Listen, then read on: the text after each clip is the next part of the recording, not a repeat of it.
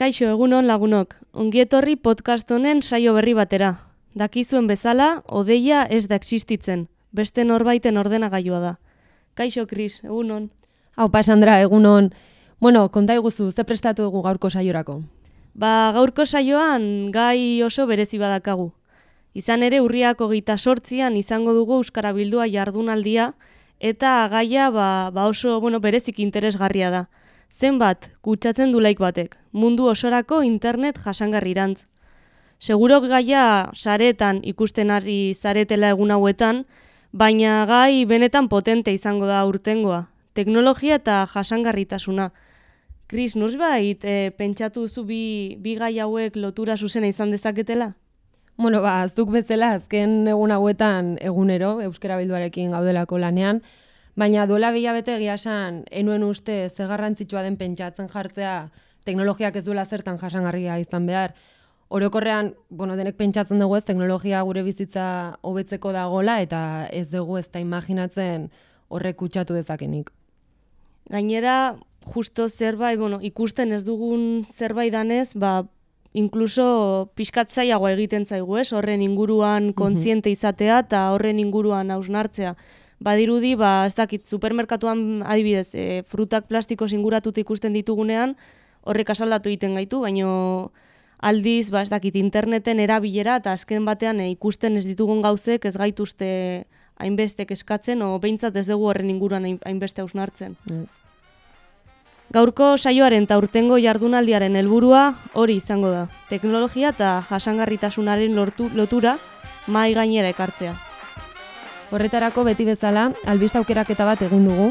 Eta noski ez da bat prestatu dugu gure astarna digitalaren inguruan hausnartzeko.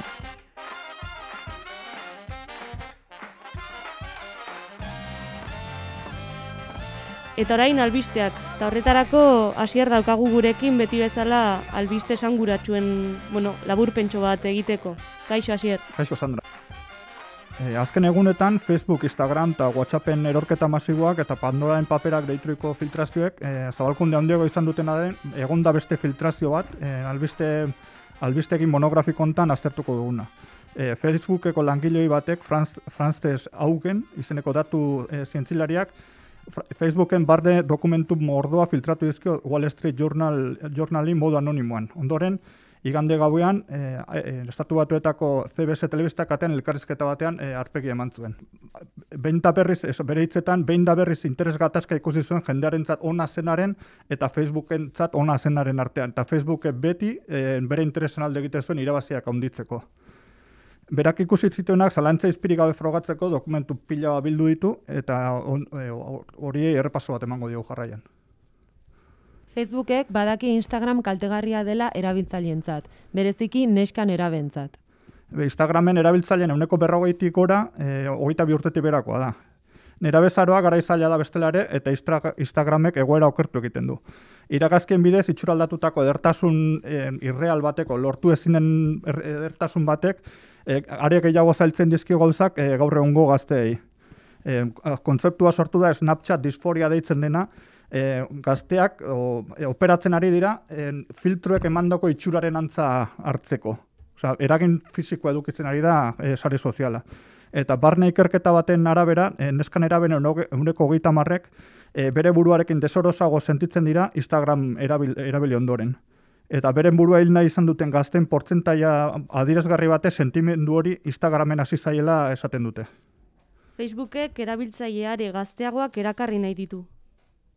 Bai, e, Facebookek denbora arama amairu urtetik berakoen, berakoentzat Instagram Kids e, sortu nahian. Ze orain arte Instagramen muga ofiziala bentzat amairu urte da. Hortik bera jo nahi dute.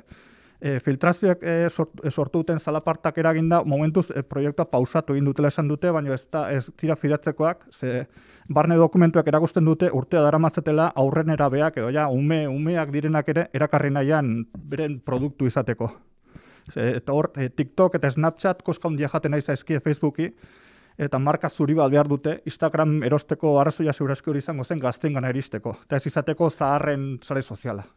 2018an Facebooken algoritmoan egindako aldaketek erabiltzaileen alderik txarren auspotzea eragin zuten. Hor, sare sozial komertzialek ez dizki dute bidalketak ordena kronologikoan erabiltzen. E, algoritmoan bitez aldaketak egite dituzte en, engagement edo aldek eta interakzio handiena lortzeko eta jendeak gehiago harrapatzeko eta denbora gehiago egoteko aplikazioan eta iragarki gehiago ikusteko. E, 2018an Facebook konturatu zen e, gainbera zijoala. Osea, gero interakzio gutxio zeuskala eta orduan aldaketak egin zituzten. Ofizialki Zuckerbergek esan zuen publikoki asmoa zela erabiltzen arteko lotura sendotu eta ondizatea onditzea. Baina barne ikerketak erakutsi zuten erabiltzen alde txarrena auspotze zutela aldaketek. Osea, gorrotoa, desinformazioa, interakzio handiago sortzen dute oinarrizko sentipen agresiboiek edo bultzatzen dituzten e, bidalketek e, ba, hori sortze dute eta e, hori Facebooke bazekin, baina ere ez errez egitea zuen da berdin jarraitzea horrek interakzioak haunditze zituelako. Facebook arazo handi badauka moderazioarekin edo moderazio ezarekin. Bai, filtratutako dokumentuan ikusten arauak ez direla denentza berdinak.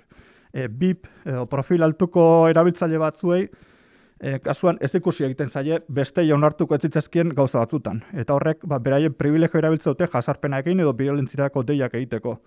E, Facebookeko langileak hanbat aldiezko dute alarma, kontu oso larriak ikusi dituztelako. Ekelde hurbilan emakumeak giza trafikorako erakartzeko erabiltzen da Facebook, Etiopian gutxien guen aurkako violentzia sustatzeko, giza organoen salak, e, salerosketa, gobernuen disiden, gobernuek disidentzia politikoaren aurka egiteko erabiltzen dute.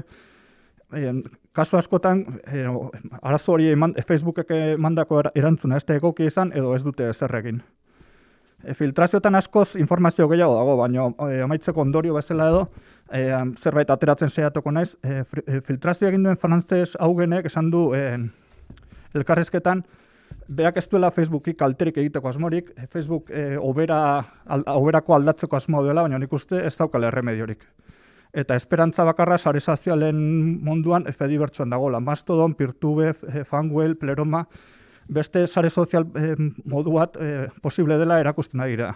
En, orokorrean fedibertson ez dago irabazi asmorik, eta descentralizazioan, gertuko moderazioan eta komunitatean oinarrituta dago e, balioiei esker eskumuturrari aurre egiteko eta e, gorrotamezuei mozuak kentzeko e, gai izan dela erakutsi du dagoeneko. Eta probatu nahi bauzua, gomendatzen zen mastodon.jalgi.eus edo mastodon.eus e, euskal instantziak erabiltzea.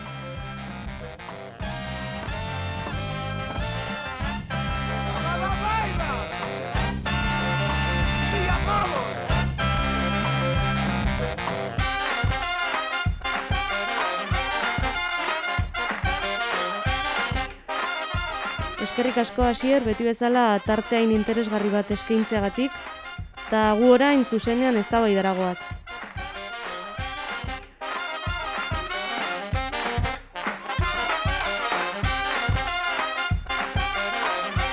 Ongetorri saio honen azkeneko atalera, eztabaida eztabaida dakagu orain ta horretarako, bueno, e, gaurko gaia gure beste astarna digitala eta mundu amaiera distopikoak. Horretarako, Kris eta bio gaude hemen, eta irati eta asier ditugu baitare gaur gurekin. E, kaixo? Opa, egunon. Opa, kaixo. Egunon. Bueno, bota egun bezala, e, gaurko gaia gure beste astarna digitala izango da. Azken batean, datuen gain kutsadura ere sortzen dela, eta pixkatorren inguruan monogai hau ekarri nahi izan dugu mai gainera, eta nik ba lehenengo galdera bat bota nahi dizuet. Uste duzue ikusten dugunak, ikusten ez dugunak besain bestek eskatzen gaituela?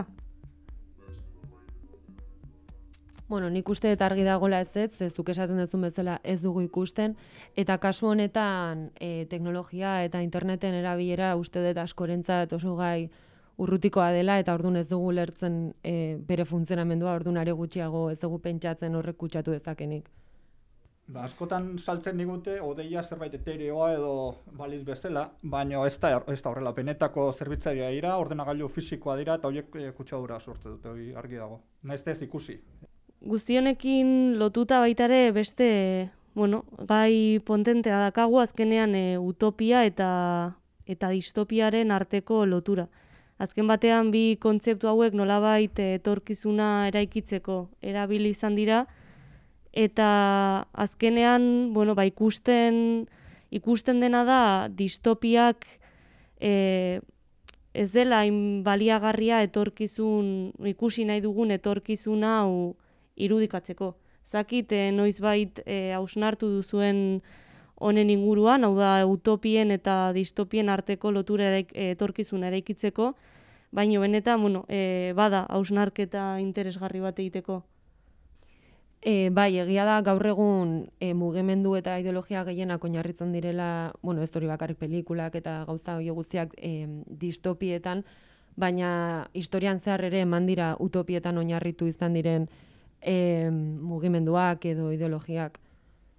Eta egia esan, bueno, igual e, erosoagoa da guretzat pentsatzea e, distopia batean, ez? Azkenean hori guri ardurak entzen digu, de, ikusten dugulako guk ezin dugula zer egin horren aurrean, eta ba, hori, guretzat erosoagoa da. Nik uste azkenean etorkizuna eraikitzeko aleginetan edo e, gizakiak tresnak eskatzen dituela, ez? Eta azkenean arrazoi da kasu kris, ba, hori, historian zehar egon direla baita ere utopietan e, oinarritu diren e, ideologiak o filosofiak edo, baino azkenean ikuste hori dela pixkat gakoa. E, jendiak behar dula nola baite etorkizun horri forma emateko tresnak. Eta azken batean guk distopietan oinarrituz gero ez dugu tresna horiek izango, azkenean distopiek esaten digutena da etorkizun horri aurre egiteko gutxi egin dezakegula. Eta azkenean horrek ez dizkigu tresnak eskaintzen, baizik eta guztiz kontrakoa lortzen duela. Eta ez zaizu iruditzen azkenean guk ikusten dugula askoz posibleago distopia bat, utopia bat baino, ze azkenean, bueno, ez dakit igual ni naiz, eh? baina nik utopia hitza relazionatzen dut zerbait oso idilikoa eta azken finean gaur egun ezinezkoa ikusten detena aldiz ikusten baldin badet pelikula bat irudikatzen duena desastre natural bat eta etorkizuna super distopikoa eta hala azken finean ikusten dut hori posibleagoa dela ze azkenean gertatzen ari da eta ikusten dut guk egiten ditugun gauzengatik e, gertatzen direla horrelako gauzak, orduan ez dakitakian ni naiz, e, baina uste distopia orokorrean ikusten dela posibleago utopia bat baino.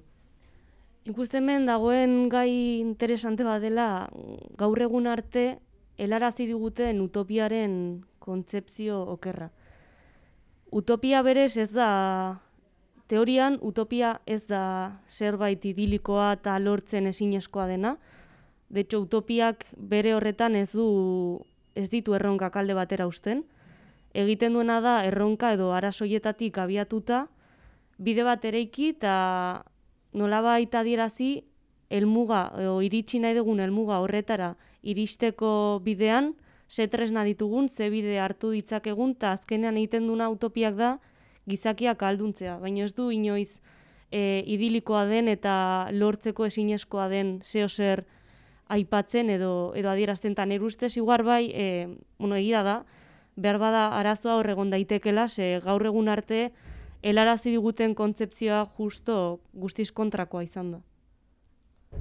Ba, horrego goratzen pixkat Ursula kale eginen e, liburuetan, osea, en, utopia dira, baina ez dira perfektuak, esan ez, bat goratzen dut, e, planeta nagusian kapitalista dira, ir, e, batean, en, ilergi batean e, bestelako ustetan anarkista direla, edo beste, bestelako gizarte nahi, e, bat eraiki nahian dabiltza, baina e, ideala izatetiko zurti dago, osea, saltasuna azkate, lanean hiltzen dira, osea, e, ez dago perfektu, perfekzio hori, baina badago zerbaiten nahia edo, Eta hor asko gustatu ditzean, udara aurretik irakurri nuen e, utopia nahi isla liburua. Osa da, gutxi gora egiten du, uste fikzioan dela batez ere, e, fikzioan utopiek izan duten historiaren jarraipen babezela, basi Tomas Muro, Mororen utopiatik, e, piraten historiak ez dakizen batean benetakoa diren hor e, Afrika mendebaldeko irla batean edo sortu zutela piraten irla aske bat edo e, agintaririk eta etzegoena eta azkenean e, marinera, marinela libreagoa ziren e, armada inglesean edo zean baino eta arrea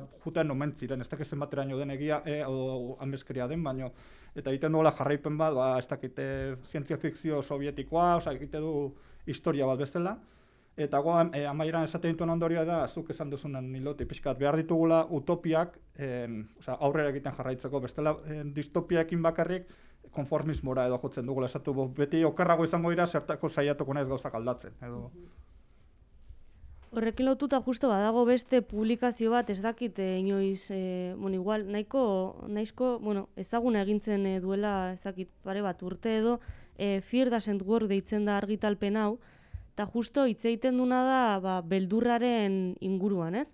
E, batez ere klima aldaketaren inguruan da argitalpen hau, baino esaten duna da azkenean gizaki batek erronka bati aurre egiteko, erronka horren inguruan beldur jakin bat e, beldur jakin bat gordetzeko edo beldur jakin bat izateko kapazitatea dakala.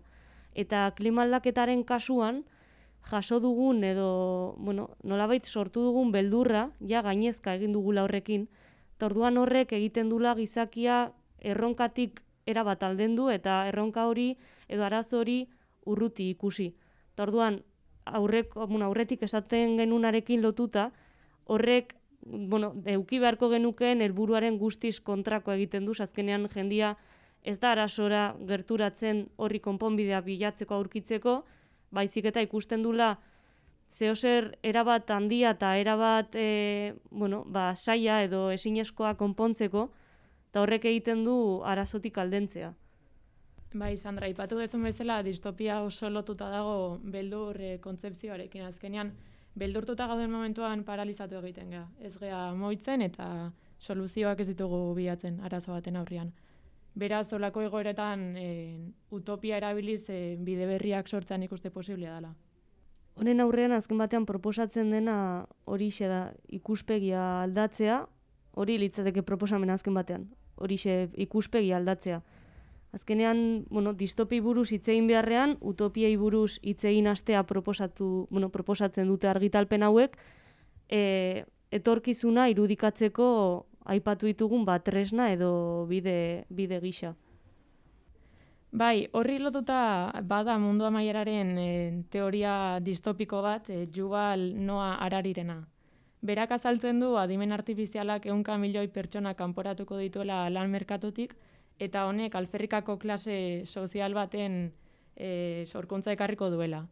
Berak dio, 2000 eta marrerako gobernuak erabateko botera lortuko duela, gure bihotz, gure garun, gure pentsamenduarena. Adimen artifizialak abantaia asko ekarri e, diezazkiguke, baina arriskutsua e, izan daiteke aldi berean. Bide honetik algoaz? Alferrikako klasearenak e, gorazi dit, Stephen Hawking irakurri nion, lanaren automatizazioak e, bi etorkizun sortu ditzazkela. Aldeetik lan automatizatu ezakegu eta guztiontzako ongizatea sortu edo guztien artean banatu, e, or, e, lan automatiko horre sortutako produktuak edo gauzak, edo gutxi batzuen eskutan baldin badago jabetzak, gehienok izango garela Afrikako klase bat. Osa, bi, bi aukera daudela, e, bi bide daude edo. Alferrikako klase horrena neustez da, bueno, gaur egun liburu askotan eta irakurtzen ditugun bueno, diskurso askotan dagoen kezka bat, niri gogoratzit baita ere mila bederatzi iruntara lau liburua edo mundu e, soriontsu bat e, liburu, liburuen bueno, pixkat e, gain orokorra edo.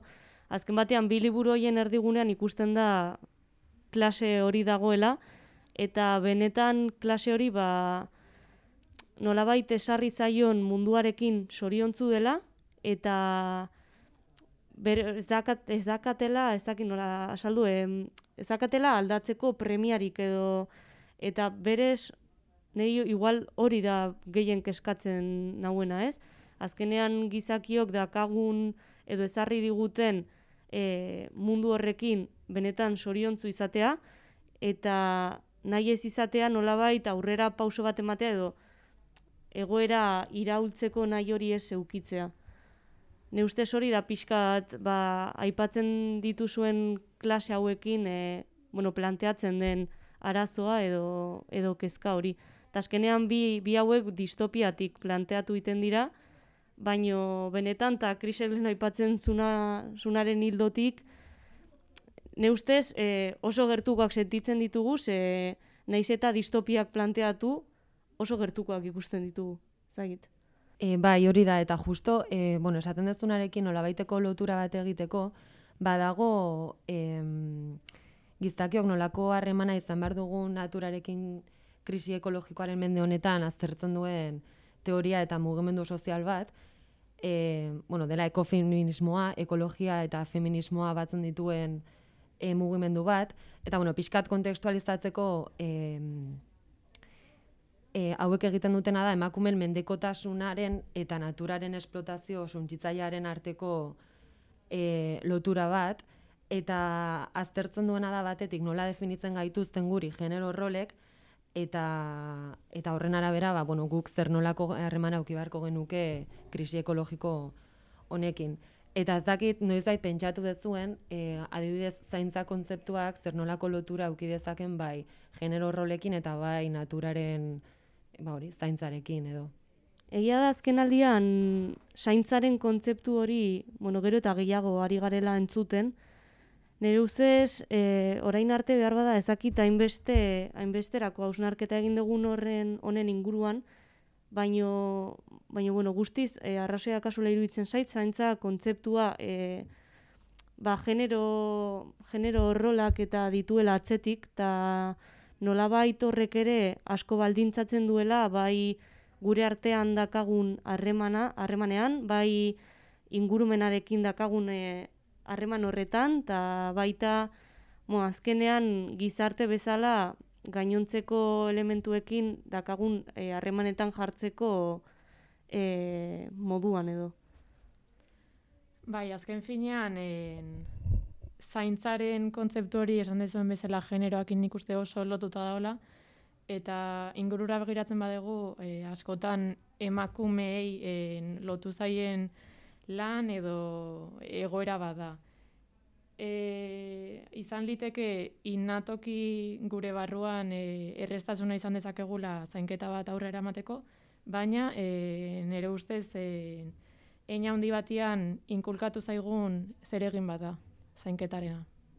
Nik uste azken finean oso lotuta dagoela gizartean nola ikusten diren e, genero rolez berdinak, azken finean emakume beti erakutsi zaigu o, bueno, beti egon da oso lotuta hori zaintzaren paperera, zaintza, sentimenduak erakustearekin, empatia izatearekin, besteen ardura hartzarekin, eta azken finean gizonezkoak pues, beti e, erakutsi zaie, o beti egokitu zaie, e, just, e, justo kontrako papera, ez, pues, sentimenduak ez dira erakutsi behar, empatia ez da zurekin duan gauza bat, eta naturarekin lotura eginez, e, historian zehar gizonezkoak izan dira, pues, beti natura suntxitu dutenak, azkenan pues, bomba atomikoa beraiok sortu zuten, bueno, guk osak izonez, oza, e, gizakiak, baina, bueno, kasu hortan, pues, gerlariak eta beti izan dira gizonezkoak, eta aldiz emakumei pues, kontrakoa, zaintzaren eta arduraren papera. Argi dago naturaren erronka eta gaur egun ditugun erronka nagusiek justo gauza horiek alde batera ustea eskatzen dutela, ez? Hau da, gaur egun arte euki ditugun generoengatik adierazitako rolak eta eta hortik jaiotako kontzeptuak eta alde batera ustea eta estereotipo hoiek behin baztertuta ditugula, ba, pentsatzen jartzea bai gainontzekoekin, bai naturarekin, bai ingurunearekin, e, nahi degun harremana zinden, eta hortati, bueno, bertatik e, eraikitzen hasi. Bai, zen ikuste eta azken finean, horitzuk esan dezunarekin azken lotura bat egiteko, e, gizartan dauden estereotipoekin, bueno, estereotipoak aldatu behar ditugula, gai, gai garai honetan ez direlako egokitzen, e, are gehiago nik uste oso arriskutsuak direla, ze azken finean menderatzeko borondate hori gaur egun suizida da e, gizateriaren zat, lortu den suntzitzeko gaitasun teknologikoa ikusita.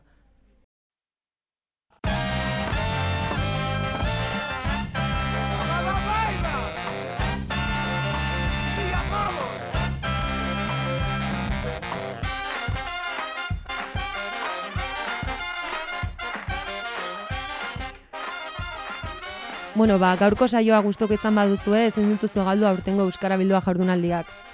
Urriak hogeita sortzian izango dira, Donostiako Santelmo Museoan.